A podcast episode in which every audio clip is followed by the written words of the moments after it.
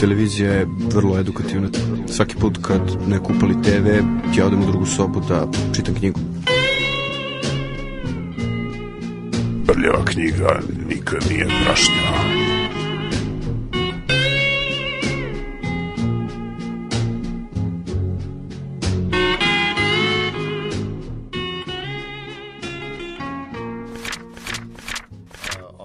Novi Radio Beograd, 4. februar 2009. godine, emisija Radio Galaksija, Milan Čirković je ovde sa nama i završava emisiju prikazom jedne od svojih omiljenih knjiga. Upravo tako.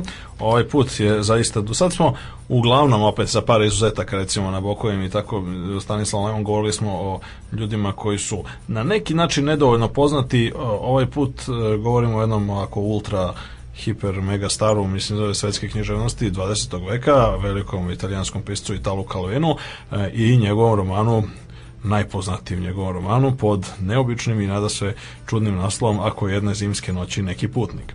E sad, e, dakle, ovaj naslov i tekako, mislim, zove, ima duboko i ozbiljno značenje, on predstavlja početak jedne dugačke rečenice koje će se naći negde u ovoj knjizi, a ne, inače on je međutim možda najkarakterističnije Kalvinovo ostvarenje, pošto Kalvino je inače vrlo interesantan kao stvaralac sa mnogo aspekata, on je e, se rodio na Kubi, ovaj, kasnije se vratio, odnosno njegovi roditelji su se vratili u Italiju, njegovi oboje roditelja su bili naučnici, on je sam a, po sebi to je još jedna njegova veza sa radiogalaksijom a, dakle i studirao je matematiku i fiziku i čovjek je jedan dobar deo života mislim da je prvo namerava se posvetiti nauci prije nego što se posvetio književnosti e, inače on je rođen 1923. a umro je 1985 ovaj, dakle je tokom ajde da kažemo središnjeg dela 20. veka, a najveći i najznačajnije njegova dela su nastala u periodu od recimo 1960. i 70. godina. Ono što je interesantno kod nas je objavljeno e, dosta njegovih dela, opet u, najviše u radovoj biblioteci reči misa, one crvene lepe knjige koje ovaj, izlaze već mnogo decenija. Kod nas sjajna tu tamo je recimo pet ili šest čini mi se ovaj, Kalvinovih knjiga objavljeno i to su uglavnom bile njegove zbirke priča, njegove kosmi komike, nove kosmi komike, te sa nulom. Ima čitav niz tako priča koje su inspirisane e, astronomskim i drugim nekim naučnim temama. E, a ono što na, možda najpoznatija najpoznatija E, njegova dela su pored ovog romana Ako je zimske noći neki putnik koji je iz, originalno objavljen 1979. godine, tako da evo slavimo 20. godišnjicu njegovu. E, pored toga i čuveni roman Nevidljivi gradovi koji je u originalu izašao 1972. E,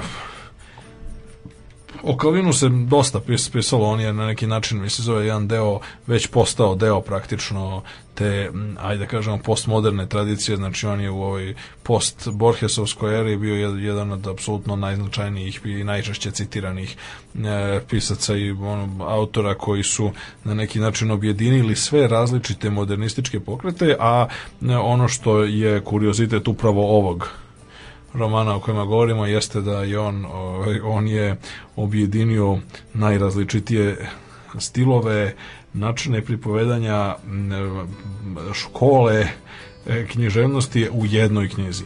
I to je zaista postignuće mi, s obzirom da dakle, ovaj roman nije pretredno dugačak, evo on u, ovom, u srpskom izdanju koje držim u ruci ima nekih 270 strana.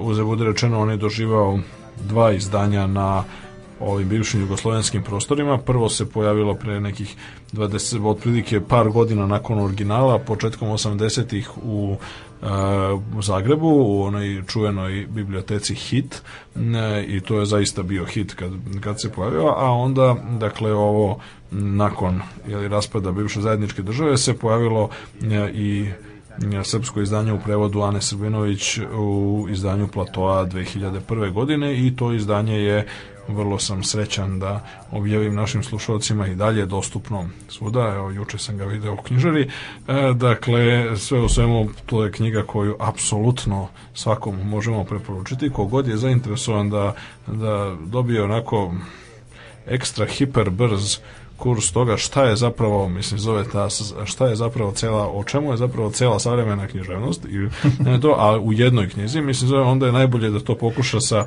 ovaj, sa, sa upravo, ovaj, e, zato što, e, mislim, ne otkrivajući previše, ono, da ne ispadne kao po Dakle, po, kao što obično biva kad izlaze ljudi iz bioskopa, pa onda čujete da, ne znam, ubica je sobar, leši u ormanu i tako dalje, ovaj, onda da ne bi sad prepričavao, prepričavao sve, ovaj, samo ću opomenuti jednu zanimljivost, dakle, ovaj roman ima 23 poglavlja, od kojih su 12 numerisani brojevima, a 11 imaju naslove.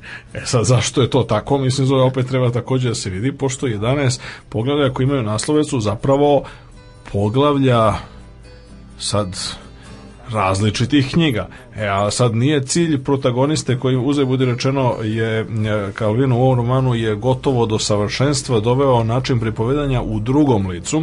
Znači on se obraća, mislim, zove svojim junacima, a, a dakle e, njegovi junaci, odnosno bar dvoje glavnih protagonista, oni e, uzaludno pokušavaju da pročitaju jednu knjigu, mislim, zove, koju su počeli da čitaju, ali im to nikako ne uspeva, nego umesto jedne, mislim, zove, do, mislim, zove, dolaze, zapravo oni uspevaju da pročitaju nekih deset različitih, kako zove, poglavlja iz kako se ispostavlja deset različitih knjiga, ali opet to na neki način, e, koji su, svih tih deset knjiga su napisane različitim stilovima, različitim žanrovima. Jedna je istorijska, druga revolucionarna, treća psihološka, četvrta naučno-fantastična i tako dalje, mislim zove, znači ne, znam, ali koje se, potpuno su naravno različiti likovi, dešavanja i tako dalje i ništa naravno nije završeno, nego je sve ono otvoreno kako to i može da biva kad izaberete po jedno poglavlje iz različitih knjiga, ali sve opet ima vrlo dubok smisao i uopšte nije tu nabacano slučajno i bez veze i ispostavlja se da počeo već od naslova tih, mislim, zove, znači, znači oni, onih poglavlja koje su naslovljena, već i naslovi sami po sebi, mislim, nešto znače, a, a prvi naslov je upravo znači knjiga ako jedne zimske noći neki putnik i uopšte ona je puna samo referenciji to je još jedna od E, još jedan od dodirnih tačaka sa temom naše današnje radio galaksije, naime ona zapravo i počinje svojevrsnom petljom, mislim da je pošto recimo, dakle prva rečenica mislim ovog romana glasi upravo počinješ da čitaš najnoviji roman Itala Kalvina, ako jedne zimske noći neki putnik. A uzvučeno poslednja, mislim zove rečenica, mislim zove u knjizi glasi, ne, da upravo završavam, ako je jedne zimske noći neki putnik od Itala Kalvina, sa to je deo uprav, nekog upravnog govora, mislim zove to govori jedan od protagonista. Ono što je dakle... Još jedna petlja u njegov glas, čujem. 3-4 anni quando lo portano. Ha? To je njegov glas. Da, tačno, intervju.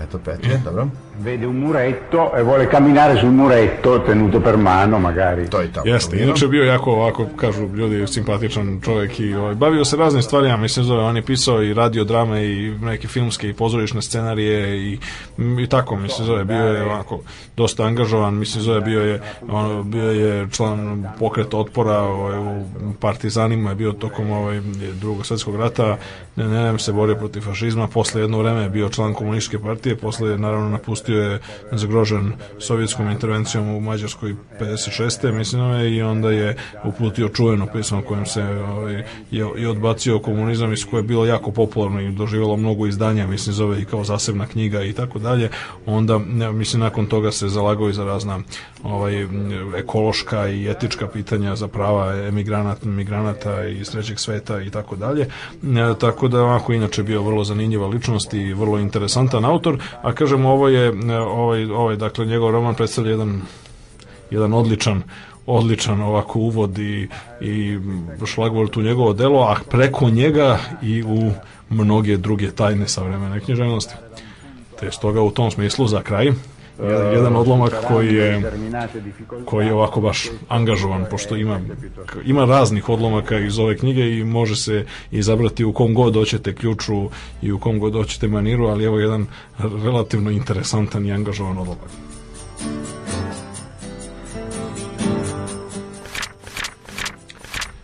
Generalni direktor Arkadijan Porfirić, koji je čini se savršeno upoznat sa tvojom situacijom, čak i sa psihološke tače gledišta obraćati se ohrabrujućim i profesorskim tonom. Prva stvar, kaže on, koju ne treba nikako gubiti iz vida, je sledeća. Policija je velika ujediniteljska snaga u jednom svetu koji inače sklon raspadu.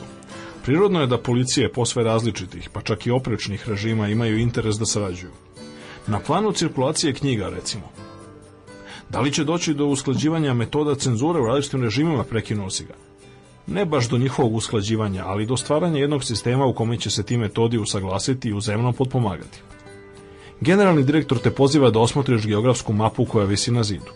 Različite boje objašnja označavaju. Zemlje u kojima se sve knjige sistematski zaplenjuju. Zemlje u kojima je dozvoljena optica jedino knjigama koje je izdala ili odobrila država. Zemlje u kojima postoji jedna gruba cenzura, neprecizna i nepredvidljiva. Zemlje u kojima je pak cenzura suptilna, mudra, takva da vodi računa o implikacijama i aluzijama, poverena sitničavim i zlobnim intelektualcima. Zemlje u kojima postoje dva načina rasturanja knjiga, legalni i tajni. Zemlje u kojima ne postoji cenzura jer ne postoje knjige, ali zato postoje brojni potencijalni čitaoci. Zemlje u kojima ne postoje knjige i niko se na to ne žali. I konačno zemlje u kojima se svakog dana objavljuju knjige za sve moguće ukuse i potrebe, a da se niko oko toga ni malo ne uzbuđuje. Niko danas ne ceni pisanu reč kao policijski režimi, kaže mi Arkadijan Porfirić. Šta do te mere razlikuje nacije u kojima se knježevnost osobito uvažava do visina sume odobrene za njeno nadziranje i gušenje? Tamo gde je predmet tolike pažnje, književnost uživa neverovatan ugled.